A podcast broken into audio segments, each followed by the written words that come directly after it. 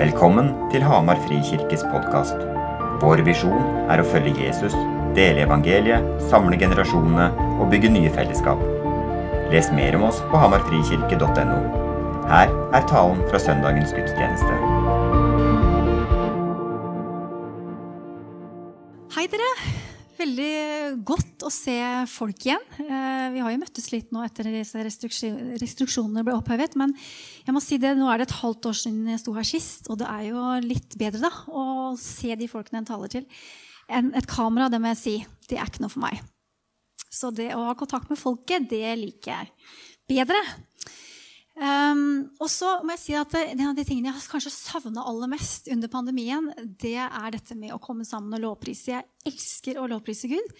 Jeg vet at Det er ikke alle som har det sånn på samme måte, og det er helt greit, for vi er veldig forskjellige. Jeg kunne nok bare hatt en hel gudstjeneste bare med lovsang. Syns det hadde vært holdt, holdt i massevis. Nei da, ikke, ikke alltid det, bare det, da. Men eh, jeg elsker å prise Gud. Så det er, det er veldig godt å få synge sammen med dere igjen. Jeg må si det at det har vært litt ekstra kampfullt i forkant av denne prekenen denne gangen. Og det er nok eh, mange ulike grunner til det, og noe kanskje av personlige grunner. Men jeg tror også det.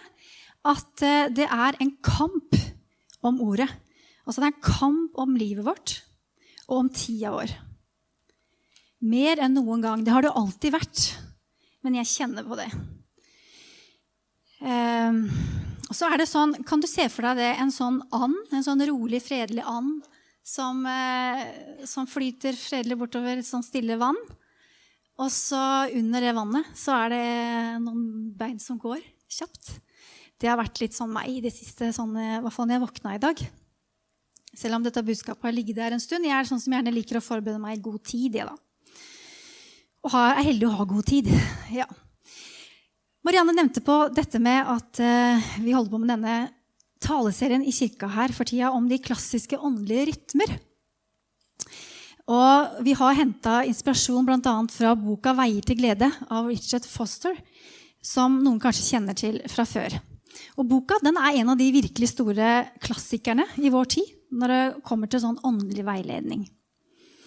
Og med første øyekast da, så har jeg tenkt på det så kan det jo virke litt sært å skulle snakke om dette med tilbaketrukkenhet og stillhet og retreat. Så er det heller ikke det jeg kanskje var mest opptatt av da jeg var 20 år. Eh, Og så skjer det noe underveis i livet også. Men jeg tror likevel at dette er et budskap til oss alle i vår tid. Um, og når jeg ser tilbake på livet mitt da, de siste seneste årene, så har mye av min tid gått med til nettopp det. Um, og det har jeg også vitna litt om her på tidligere prekener uh, jeg har hatt. Um, og jeg har sjøl blitt trukket mot stillhet og ro. Uh, mye pga. begrensa helse og kapasitet. Og så har jeg fått høsta noen erfaringer av det. Og det er jo det gode i det hele. da. Det er det gode. Men så føler jeg bare at jeg har smakt en liten del av denne kilden som Jesus har for oss. For det er så mye å hente der. Jeg har bare smakt en liten, liten del. Enda jeg er nå 48 år og har levd med Gud og vært heldig og har levd med Gud hele, alle disse årene. Men ennå har jeg bare smakt en liten del av det Gud har. Så dere konfirmanter, dere har masse å se fram til. Det er masse spennende i Guds ord og å leve livet med Gud. Um, og så er det sånn at Når det først har smak, smaken på noe, så vil en gjerne ha mer. Og heldigvis er det sånn. Og så er det sånn at eh, Vi kan trenge litt veiledning og inspirasjon til å holde hjertet vårt varmt og brennende for Gud og til å pleie relasjonen til Han. For vi lever i en tid med mye støy og påvirkning fra mange kanter. Og hvis vi i tillegg da legger til litt vanskelige omstendigheter og dårlige tider i eget liv, eh, så skal det ikke så mye til før en kjenner seg både motløs og kraftløs, og kanskje til og med litt desillusjonert til tider. Og rastløsheten den melder seg fort. Kjenner du på det til tider? Og du skal sette deg ned og kanskje prøve å ta noen eh, velbrukte minutter med Gud, så kommer rastløsheten. Den melder seg raskt. Og trangen til å fylle tomheten, den oppstår og blir stor. Og går, hvor går du da? Hva fyller du deg med da, når du er rastløs? Og så vil jeg spørre deg om et spørsmål som jeg vil at du skal sitte og tenke litt på i løpet av gudstjenesten. Lengter du etter en dypere relasjon med Jesus? Og kjenner du ikke på den lengselen, så er det helt greit. For Gud, han kjenner deg. Men la det være en bønn til han om at du ønsker å lengte og tørste etter mer av han. Og så Kanskje er du blant dem som lengter. Du sitter her og tørster etter mer av Gud. Og det er herlig hvis du har det, for ha forventning til Gud. Og det han vil gi, ikke det jeg skal gi i dag. Men ha forventning til Gud. Han er her. Guds ånd er her. Og så ser du kanskje at det er andre som ser ut til å ha det der sterke, gode livet med Gud. Og så får du ikke til sjøl. Så tenker du kanskje hva er oppskriftene? Passer egentlig til dette kristenlivet? Ikke få jeg til å lese Bibelen og, eller være stille med Jesus og ikke føle hans nærvær heller. Og, og så kommer tvilen, og så kommer motløsheten. Vet du hva jeg tror? At du er ganske lik mange av oss. Jeg tror vi alle kjenner på dette til tider. Og akkurat som årstiden, ikke sant? Vi er heldige å bo i et land med, hvor årstidene skifter. Og så snakker vi også om forskjellige årstider i en troende sin vandring med Gud. For det er normalt med gode dager og mindre gode dager og nære kanskje opplevelser med Gud. Og så er det også perioder med lite av Guds følbare nærvær. Da sier jeg følbare, for Gud er alltid nær. Det må vi bare holde fast. Han er alltid nær. Og så Her farer vi kanskje også noen høye tropper, nei, topper, men også noen daler. Sånn er livet også for folk flest der ute, og det er det for oss troende også. Vi kommer ikke forutenom det. Og sånn har det vært for, for meg. Så da jeg forberedte denne talen, så opplevde jeg å være en litt sånn mørk dal. Der jeg venter på Gud, forsøker å stole på Han. At han har kontroll på den prosessen jeg er inne i. Og så er det noe som har bedret seg, men så kjenner jeg fortsatt litt på denne dalen, mørke dalen og litt tørketiden, som vi også kan kalle det. Men i dag så vil jeg forsøke å snakke varmt om stillhet og inspirere oss til tilbaketrukkenhet. Kanskje også at du skal prøve en retreat en gang. Og se litt på hva vil det si? Hva kan det gi deg av åndelig input? Av åndelig verdi? Dere vet Det er noen åndelige fedre og mødre der ute som har gått foran oss, og som kan vise oss vei og lære oss et og annet. Og Therese av Avila hun er her slik jeg, og hun har sagt en gang at finn roen i tilbaketrukkenhet, og du vil oppdage ham i deg selv. Hvem er ham? Og det er Jesus. Jeg sier en gang til. Finn roen i tilbaketrukkenhet, og du vil oppdage ham i deg selv. Høres det ensomt ut? Jeg som ikke klarer å være alene med meg sjøl engang, tenker du kanskje. Men er det det samme som ensomhet? Å trekke seg litt unna, komme avsides for å være med Gud? Nå er det jo en da, som har gått veien før oss, og det er Jesus. Han trakk seg ofte til avsides til øde steder for å være aleine. Og jeg tenker at hvis Jesus trengte det, så trenger i hvert fall vi det. Hvorfor gjorde det Jesus det? Han søkte roen, stillheten, borte fra folk og folkemengder. I Matteas 4, 1-11 kan vi lese om Jesus som innviet sin tjeneste med 40 dager alene i ørkenen. Og I Lukas 6, 12 står det om Jesus som tilbrakte hele natten i ørkenfjellet før han valgte sine tolv disipler.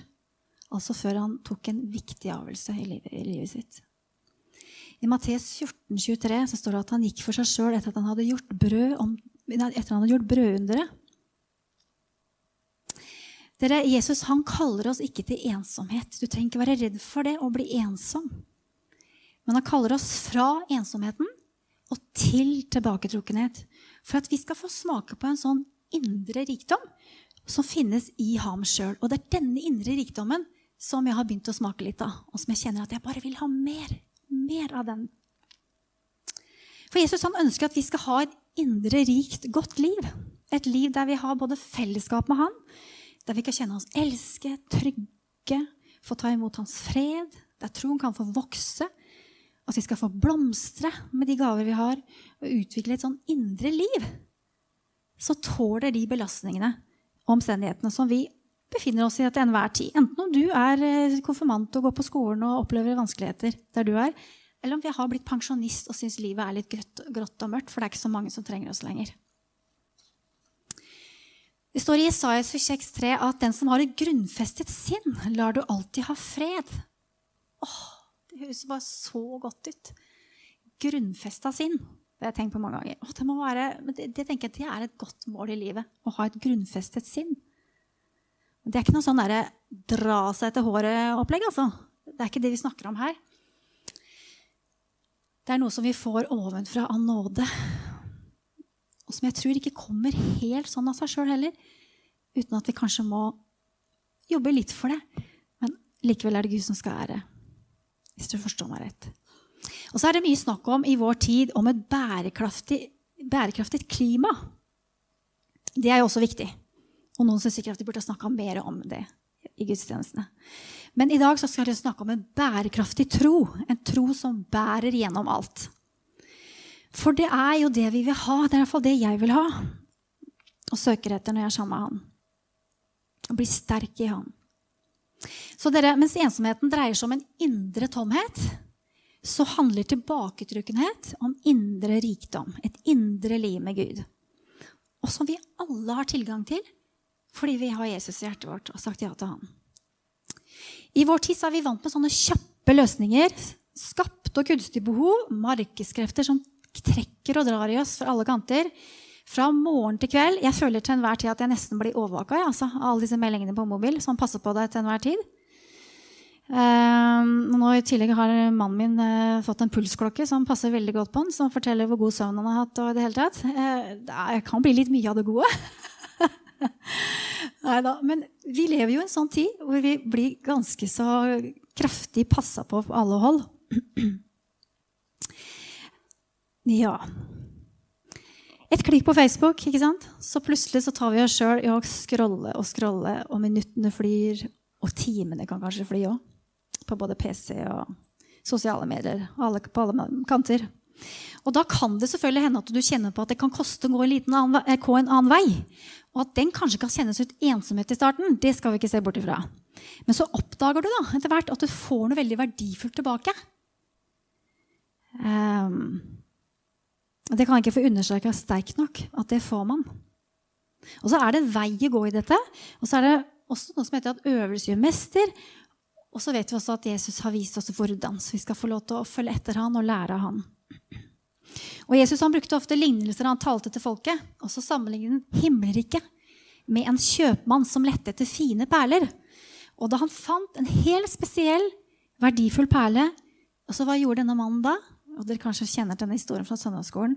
Jo, da gikk han bort, og så solgte han alt han eide, for å kjøpe denne ene perlen. Han hadde funnet noe som var verdt å gi alt for. Står i Matteus 13. Og Poenget er at han ga alt for den perlen. Han jobbet virkelig for å få fatt på den. Og dere, prisen for deg og prisen for meg er også veldig høy. Det har Jesus vist på korset. Han har virkelig gitt alt for at du og jeg skal få kjenne han. Få komme hjem en dag til han i himmelens rike. Det er noe jeg gleder meg til. Det tror jeg skal få lov til å glede, glede meg til. Så hvor mye betyr denne Jesus for deg?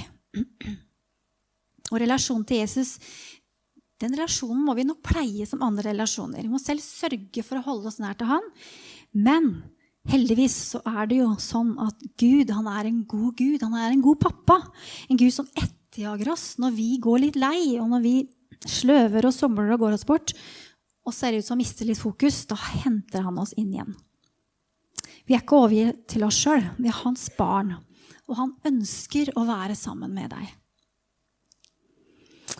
Det er et ord som jeg har blitt minnet på mange ganger, og som jeg også har stått og sagt her tidligere. Og Det er i Lukas 10, 42, og så jeg vil gjenta det her i dag òg. Og det er Jesus sine ord til Maria og Martha. Et, men ett er nødvendig. Maria har valgt en god del, og den skal ikke tas fra henne. Martha var ei sånn som hadde styra og ordna fælt når Jesus kom på besøk. Og det var jo enhver kvinnes plikt. Maria hun eh, valgte å sette seg stille ned ved Jesus' føtter og var full av forventning og ville lære. Og kanskje brøyt litt ut av hva som var normen. Eh, og så kan det minne oss på hva han også ønsker å ja, minne oss på at vi også skal få stoppe opp. Ett er nødvendig. Det kan være mange årsaker til at du heller velger støy og folk rundt deg enn det å være stille. Enkelte, eller kanskje det gjelder mange av oss, har det sånn. Orker ikke å være alene med tankene sine. For da, hva skjer da? Jo, da kan det rase på med negative tanker. Kanskje angsten kommer, uroen kommer for ting man bekymrer seg for. Og så passer vi hele tiden på å ha noe på øret og finne på noe å avlede oss sjøl med. Bort fra denne skumle stillheten. Men det er, da er det, sånn at det, det er ikke sånn at ensomhet eller støy er våre eneste alternativer. For hva tror dere? Kan vi lære oss til å leve i en sånn indre tilbaketrukkenhet og stillhet som gjør at vi kjenner på mindre ensomhet og frykt? Er det mulig? Ja, den boka 'Veier til glede' da, den hevder det, og mange erfarer også nettopp det. Så tilbaketrukkenhet, hva handler det om? Det handler om hjertet ditt og sinnet ditt. Åh, hjelpe meg, tenker du. Det var dype greier. Og så handler det om en indre holdning. Og den holdningen gjør at vi ikke blir så redde for å være aleine. Når den holdninga blir litt sånn etablert i oss og får fotfeste, så bare vet vi at vi er ikke aleine. Og da kan du sitte på bussen eller på tog eller fly eller hvor enn du er, midt oppi støy og kaos rundt deg, så kan du nettopp der og da finne den indre roen. Det er det fantastiske med Gud. Må ikke til kirka for å finne den, eller en sjelesorger. Som troende så er vi i Kristus, og han i oss, og vi i ham. Men så må vi ta oss tiden til å gjenkjenne ham bli kjent med stemmen hans. Og det er en vei også å gå i det. Men det er vel verdt tiden du bruker på det. Jeg har mange ganger kjent på denne indre roen og stillheten inni meg. Og så har jeg fått mer kontakt med egne følelser, som igjen har gjort meg i stand til å kjenne og motta noe fra Gud. Og det han vil gi meg der og da. For det er sånn at når vi våger å åpne opp litt, så vil han fylle oss. Og i sånne stunder så har jeg faktisk blitt klar over evner jeg ikke før har vært kjent med. Så f.eks. at trangen til å skrive og leke med ord det har vokst seg fram i sånne stunder med Gud. Så for meg da, så har skriving blitt en slags terapi når jeg går gjennom vanskelige og leie ting. Det har fått blomstre fram i denne stillheten og tilbaketrukket med Gud.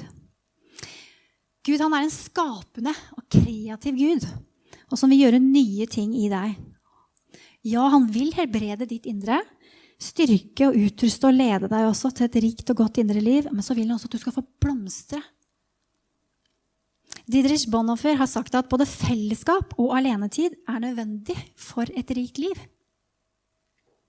Og videre sier han noe som kanskje litt dypt sagt. At den som ikke kan være alene, bør passe seg for fellesskap. Og den som ikke tilhører et fellesskap, bør passe seg for å være alene. Og da blir rådet at dersom vi ønsker å ha en meningsfylt fellesskap med andre, så bør vi kanskje oppsøke den gode stillheten. Vi blir oppfriska og får noe for vårt indre liv. Jeg hørte faktisk nettopp en andakt av eh, Svartdal, Egil Svartdal. Dere vet jo at han er en veldig sosialt outgoing fyr. Som kan se ut som har et veldig sosialt og travelt liv. Og han sier at han har oppdaget en ting ved seg sjøl, og det at han er en sånn utadvendt, introvert han kommet fram til at han er. Og så kjente jeg at det faktisk kjenner meg litt igjen i. For Han sa det at han hadde ikke vært så god med mennesker. Vi kjenner jo han som en fyr som er god med folk. ikke sant? Det ser vi ved det han har gjort på TV opp igjennom. Men han sier at han hadde ikke vært så god med mennesker. Hadde ikke vært for at han måtte ta time, var mye alene også. Han prioriterte det. Og I den klassiske andingslitteraturen så er stillheten og tilbaketrukkenheten det er nært knyttet sammen. For hensikten er å kunne se og høre, forstå og erfare den forvandlende kraften da, som Gud har, som han har for oss.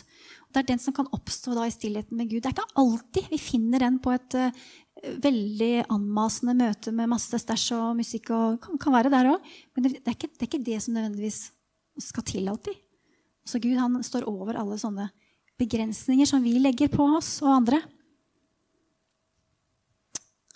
En annen ting som vi lettere også vil lære oss i denne stillheten, det er lettere å skjelne faktisk når du skal tie stille, og når du skal tale. Og det kjenner jeg nok har vært litt godt i mitt liv og nødvendig. Jeg er en veldig sånn snakkesalig dame. Mye på hjertet å prate som. men det å lære seg til å gjenkjenne når man skal tisse til. For det er stunder faktisk hvor det både er en hellig stund mellom folk, men også stunder der faktisk du skal tisse til fordi andre skal komme frem. Og vi vet jo også at det står et eller annet sted at eh, tale er sølv, men taushet er gull. Så det er noe i det òg. Bonhoeffer har også sagt noe som jeg har lyst til å skal tygge litt på, det at virkelig taushet, virkelig stillhet, det å la tungen få hvile, det skjer bare som en følge av åndelig stillhet.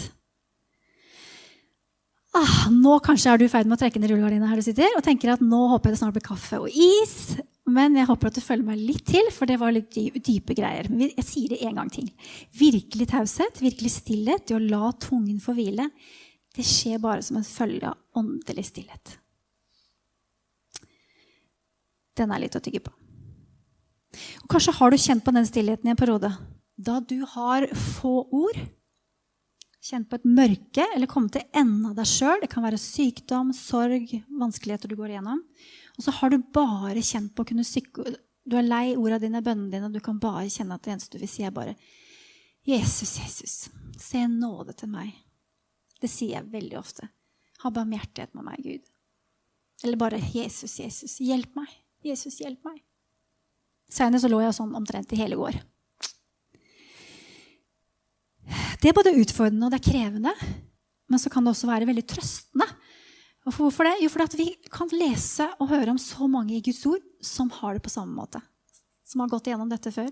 Mennesker som deg og meg levde på en helt annen tid, men mennesker som deg og meg med det samme følelsesregisteret.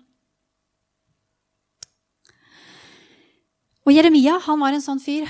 Han er jo kjent som en sånn vredens profet. Hjelpe meg, tenk å få det, da.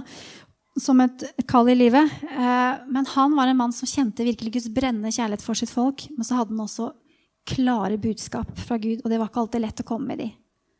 Så han sier faktisk så sterke ord som dette her, han. I Jeremia 20, 7-18. Forbannet er den dagen da jeg ble født. Det var sterke følelser. Jeg tror han innimellom var rimelig lei av sin uh, tjeneste. Uh, men så turte han å tordne litt mot Gud fordi han kjente Gud. Kjente Guds kjærlighet. Både for seg sjøl kanskje, og for folket. Og Sånn tror jeg du og jeg har det også noen ganger. Vi kan bli slitne av lei og tjeneste og ting man står i. Men Gud er der. Og så er vi både ånd, sjel og kropp. Det må vi ikke glemme. Alt dette kommer vi når vi kommer framfor Gud. Så Derfor så kan vi erfare tider med litt mørke og vanskeligheter som påvirker det som vi kaller sjela vår. Det innerste vi har i oss. Innerste jeg. Men da trenger du ikke å frykte. For Gud, han er både eh, der, og det er normalt, og det er menneskelig. Det er alltid trygt å komme til Gud med hele seg. Han tar imot deg akkurat som du er. Han tåler hele deg. Og denne mørke natten, da, som boka uttrykker, for å bruke bokas uttrykk, den mørke natten, er kanskje også en av måtene som Gud bruker for å jobbe med oss. Arbeide og forvandle oss innenfra og ut. Dype greier. Men vet dere hva? Vi er sammensatte, dype mennesker òg. Og til det trengs det litt dypere greier også. Jeg vil vise et bilde som jeg blir glad i.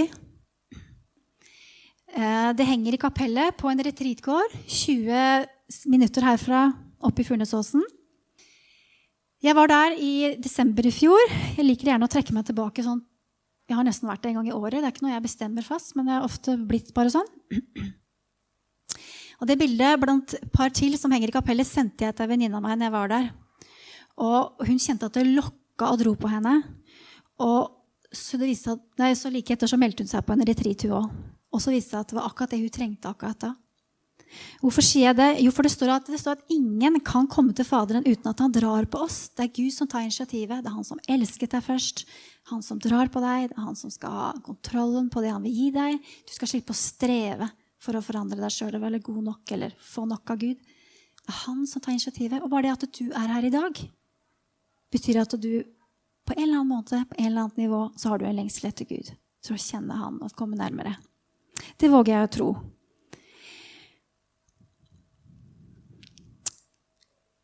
Nå skal jeg gå litt til den praktiske delen av denne prekenen.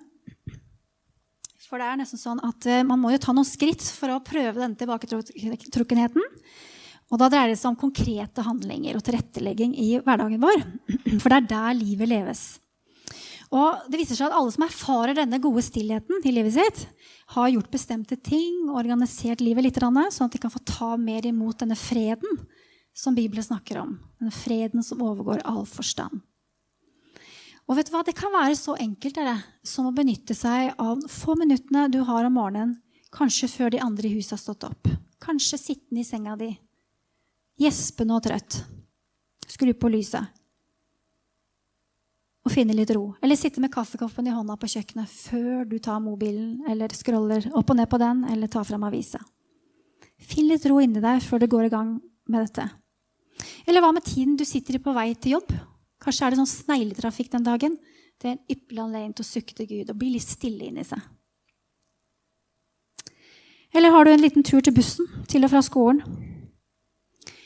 Eller en annen ting som jeg syns er faktisk veldig ålreit, det er å gå ut når det er stjerneklart og mørkt, og det er stille i gata di der du bor. Det er en veldig god tid på å bare være stille med Gud også. Det dreier seg om små øyeblikk som hjelper oss til å være virkelig til stede. Og så kan du ta det litt lenger. Du kan finne et fint sted oppi et eller annet sted ute. Jeg har sjøl funnet meg en god plass oppi skogen der jeg bor, eller skogen bak der jeg bor. Den er veldig god å gå til innimellom, for det er akkurat der får jeg litt utsikt til Mjøsa. Så kommer sola ofte inn på den tiden jeg drar opp der. Det er godt å ha en sånn plass å komme til. Eller er du heldig og har stor plass, så kan du innrede et lite rom i huset ditt. Et, et som du kanskje bruker som et gjesterom, som er beregna på ro og tilbaketrukkenhet. Du kan henge på et kors, et bibelvers, et eller annet som hjelper deg å fokusere på Gud. Holde fokus. Har man mindre plass, så kan man faktisk bare ha en stol i huset som du faktisk kaller eh, ikke, ikke forstyrr meg-stolen. Det er ikke dum idé. Det er ikke min idé. Jeg har plukka den opp.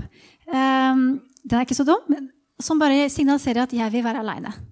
Så når du da, hvis du er en familie på fem med barn, og setter deg i den stolen, skal folk rundt deg ha respekt for at nå vil hun eller han være alene. Eller du kan ta det enda lenger, trekke deg tilbake noen timer noen ganger i året. Komme bort litt. Eller ta en retreat, sånn som jeg snakker om her. da, At man også kan gjøre. Og da vil jeg bare kort bare si hva er en retreat for deg som ikke kjenner til det. det retreat betyr jo det å trekke seg tilbake. Det innebærer det å trekke seg tilbake fra daglige gjøremål en tid i bønn og bibelsk meditasjon er gjerne på programmet. En tid for litt ekstra konsentrasjon og stillhet og taushet. Det som er så godt da, med sånne retriter, er at du blir på en måte leda og får hjelp til å være stille. Altså, Jeg har aldri vokst opp med det, eh, fra det jeg, den tradisjonen jeg kommer fra. Men det har jeg smakt på mer i godt voksen alder. Og så bare lyst til å si at Mitt første møte med retreat på Lia gård Eh, da kom jeg dit veldig sliten fysisk og emosjonelt og hadde fryktelig behov for å være anonym. Ikke ta ansvar for noen, ikke måtte se eller hilse på noen. Bare det var vanskelig. Eh, men det var enormt godt. Jeg ble helt overraska hvor godt det var. Bare få sitte og se på fuglene liksom, ut av vinduene jeg satt og spiste frokosten min. Slippe å, At jeg ikke het noe mer enn bare Janne. Folk, Ingen visste noen ting om meg. Veldig godt. Eh, så det ble bare en frihet, bare det. Å, komme bort sånn. Og så må jeg si at jeg, jeg kan ikke si at jeg har opplevd store møter med Gud på disse retreatene. Men, men jeg opplever Gud i det små. Noen små detaljer som jeg etter hvert har sett og merka, som Gud har gjort og gitt meg i løpet av de stundene med disse retreatene. Og det rare er at jeg, du sitter rundt et bord vet du, Jeg tenkte hjelpe meg, skal vi ikke snakke engang? Det er så kunstig og så rart. Men så blir det ikke det. vet du. Alle er liksom der under de samme premissene. Og det blir bare godt, og det blir fellesskap selv om en ikke eh, prater. Det blir gode blikk, og det blir liksom bare Alle er liksom i samme eh, er det, ikke, Det er ulike grunner til at vi er der, men vi er der alle under samme premisser og rammer. Nei, det, for meg var det veldig spesielt og rart. Men godt. Og nå har jeg lyst til å gi dere et lite eksempel på hvordan bibelsk meditasjon kan se ut. Eh, fordi at når jeg satt på retreatgården her i desember i fjor, så kjente jeg at jeg blei litt inspirert.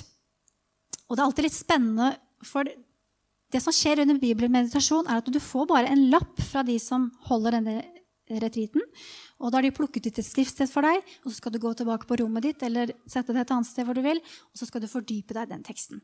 Ofte er det kjente fortellinger, lignelser, og man kan ofte tenke at å, dette har jeg lest før, dette kjenner jeg til før, er det ikke noe nytt og spennende? Men så har jeg lært meg etter hvert til å ha forventning til at de som leder retriten, de har vært innenfor Gud, og de har bedt og sånne type ting. Og da er det veldig godt å kjenne at Gud har noe for meg denne gangen også. Og så satte jeg meg ned da, med denne bibelteksten, og så hadde vi fått uh, et råd om at du må gjerne, når du leser den teksten, så må du gjerne uh, ta perspektivet til noen av de i den bibelfortellingen. Og den dagen så var det den blinde eh, Jesus, altså, uh, Jesus i møte med den blinde Bartimeus. Og så kjente jeg at ja, nå tror jeg faktisk at jeg skal sette meg litt inn i hvordan var det å være Bartimeus den dagen når han møtte Jesus. Bartimeus, Dere kjenner kanskje til den historien, mange av dere. Jeg har ikke tid til å lese denne historien nå, men nå skal dere få perspektivet fra Bartimeus. Det er noe med denne dagen. Jeg har en sånn følelse at noe kommer til å skje. Noe godt. Noe nytt, kanskje. Jeg har hørt at Jesus fra Nasaret er her for tiden. Kanskje det er i dag jeg skal få mitt under. Jeg hører stemmer i det fjerne. Det, det nærmer seg. Skjer det noe i byen i dag? Det er en sånn spenning i lufta, liksom. Som, som noe er på ferde. Jeg kjenner på en forventning inni meg. Det er som en sitrende, begynnende begeistring. For hva? Jeg vet ikke, men dette er noe i gjære. Der hørte jeg noen nevne navnet Jesus. Er Jesus her? Er han akkurat her? Jeg kan rope på han. Jeg har hatt veldig lyst til å møte denne mannen. Jeg roper. Jeg har ikke noe å tape på det. Bare ansiktet mitt i så fall. Det har jeg tapt for lengst. Jeg har sittet så mange ganger her og tigget og bedt. Jesus, du Davids sønn, ha barmhjertighet med meg! Jeg hører noe mumle i rekkene. Det, blir sagt noe, men jeg, jeg, får ikke med meg ordene. Ti stille med deg, mann! kommer det fra en irritert stemme ved siden av. Jeg skvetter til. Jeg blir litt, et litt liten der jeg sitter, med min beskjedne frimodighet. Nå er det stemmer som blander seg inn, og noen sier noe om å reise seg. Skal jeg reise meg? Hvem sa det? Jeg kommer meg raskt på føttene. Jeg går etter lyden, og det kribler i kroppen. Jeg kjenner på noe aldri så lite som spirer frem. Håp, kanskje? En varme som sprer seg rundt i kroppen. Og jeg hører en mild stemme som sier, 'Hva vil du jeg skal gjøre for deg?' Hva? Er det virkelig sant? Rabuni, mester! Herre, la meg få syn igjen! Så hører jeg de vakreste, mest befriende ordene jeg noen gang har hørt. Gå, du, din tro har frelst deg. Og idet denne mannen de kaller Jesus fra Nasaret, uttaler disse vakre ordene, skjer det noe fantastisk. Plutselig så ser jeg. Ja, jeg gjentar, jeg, jeg ser. Jeg ser rett inn i det som må være Jesu ansikt. Jeg står sånn fjetret, naglet, tilbake til et øyeblikk. Jeg bare tar i lyset for disse to kjærlige øynene. Varme øynene som bare brenner inn i minnet. Og jeg har bare én tanke i hodet. Denne mannen vil jeg følge. Jeg har mange ganger tenkt at i møte med sånn tekst som det så har jeg noen ganger følt meg litt avvist av Jesus. Blir litt berørt.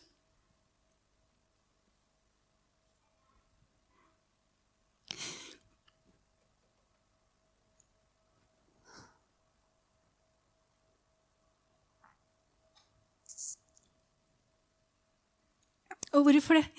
Jo, for denne mannen, han Uff, jeg trodde ikke det skulle bli sånn.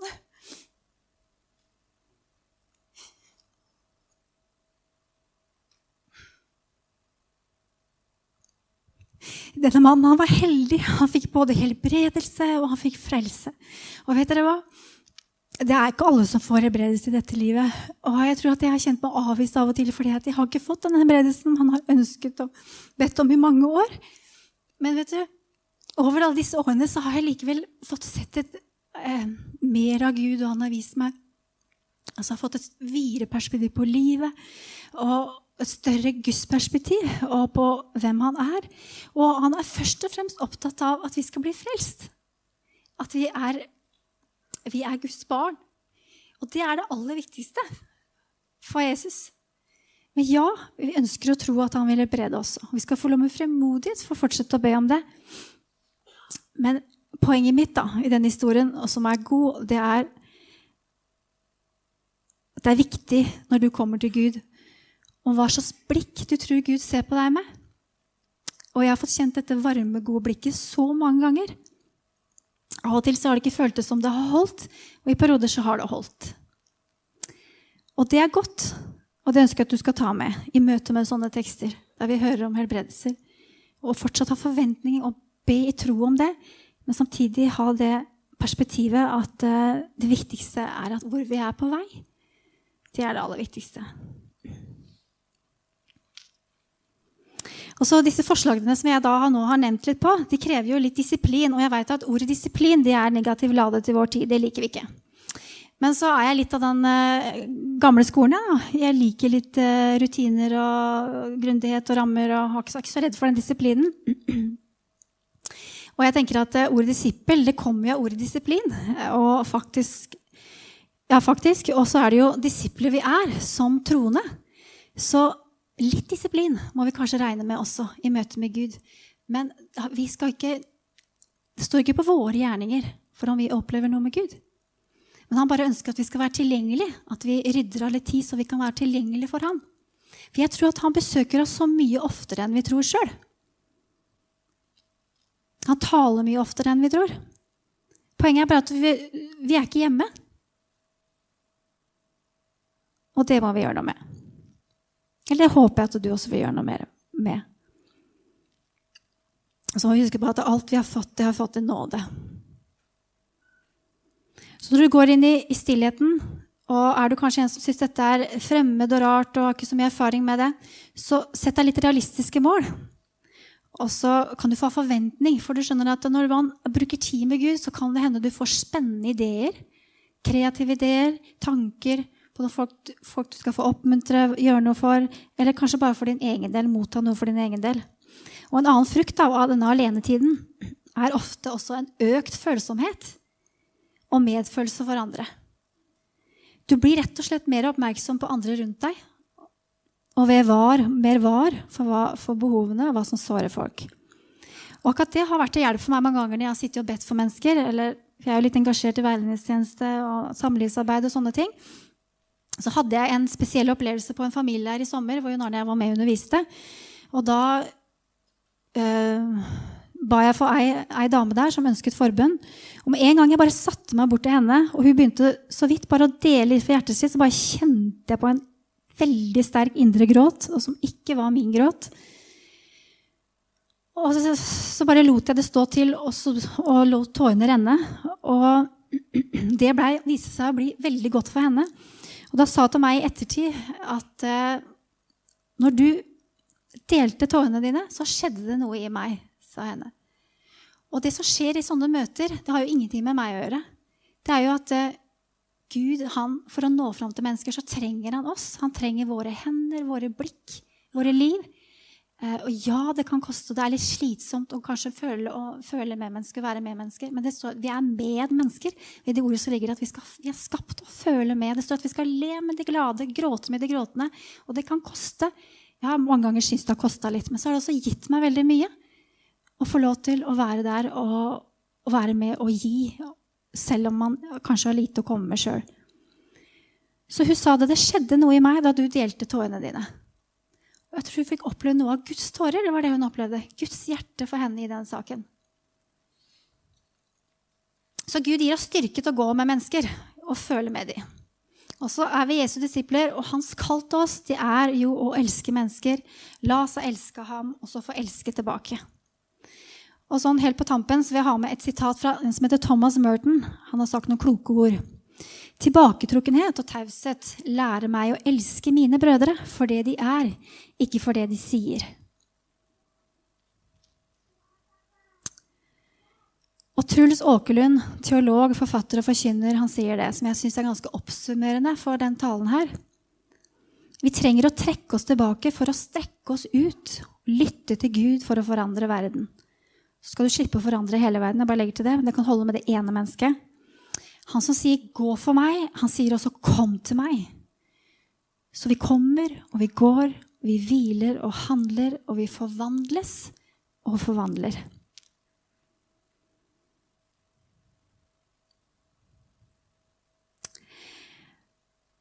Kjenner du på en lengsel eller dragning mot å synke ned i Guds taushet og hvile? Jeg håper det. Jeg håper at det er noe som spirer etter alle disse gudstjenestene om disse rytmene som vi snakker om. At Gud lokker og drar på deg. Da er det veldig viktig nemlig, at når du kommer hjem, at du handler på det. For det er så lett å gå glipp av Gud. Hand på de små innskytelsene du får. For det handler om å få en retning i livet, og vi går i en retning uansett. Så la deg lede av Gud. Det er min oppfordring til deg i dag. La deg bevege. La deg bevege av Gud. La deg lede av Gud. Han kjenner hele deg. Det er trygt å være sammen med Gud. Han vet hva han vil gi deg. Du skal slippe å streve. Selv har jeg kjent på hele følelsesregisteret mitt sammen med Gud. Jeg har vært sint, jeg har vært frustrert, jeg har vært lei meg. jeg har vært alle mulige følelser. Men jeg har også kjent på den indre roen og stillheten som gjør at jeg bare vil ha mer, mer av den. Jeg vet hva som er det viktigste for meg, hva jeg lever og ånder for. Skal vi bare lytte og være stille, så har jeg bare lyst til å be en bønn til slutt for oss. Far i himmelen, jeg priser deg, takker deg fordi at eh, du er Gud. Takker deg for ordet ditt om at det, i stillhet og tillit skal vår styrke være. Jeg takker deg for det, Jesus. Jeg ber om at du leder oss inn i denne dyrebare gode stillheten med deg, og ser hva det kan gi oss. Og at når du åpenbarer din sannhet for oss, der vi er, om vi sitter på rommet vårt, eller om vi er ute og går, eller hvor vi enn er, Jesus. Du er overalt. Du er i oss, og vi kan finne deg. Eh, du går med hvor enn du er, vi går, Jesus. Priser deg for det. Og bare be av få hjertene våre at vi skal la oss bevege av deg være i stand til å ta imot ifra deg og høre fra deg, Gud. Og skal vi få lov å finne hvilen fra prestasjoner og, og Bare beskytte oss for loviskhet og sånn som fører oss bare inn i slaveri, Gud. Herre, jeg ber om denne friheten. Jeg ber om frihet over hver enkelt av oss, Jesus. I Jesu navn. Amen.